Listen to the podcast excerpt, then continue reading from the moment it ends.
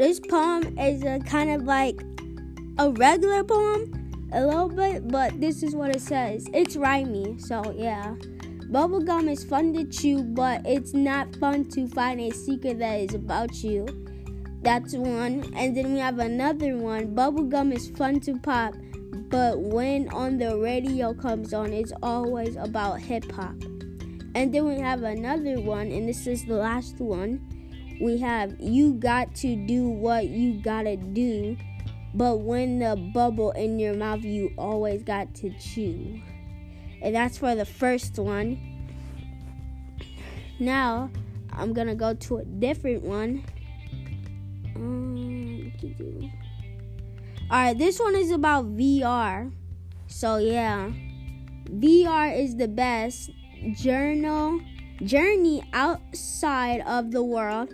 VR is active. And that's for like the syllable things or like you like say if I did journey, journey E, something like that. And then yeah, that's only two. So yeah.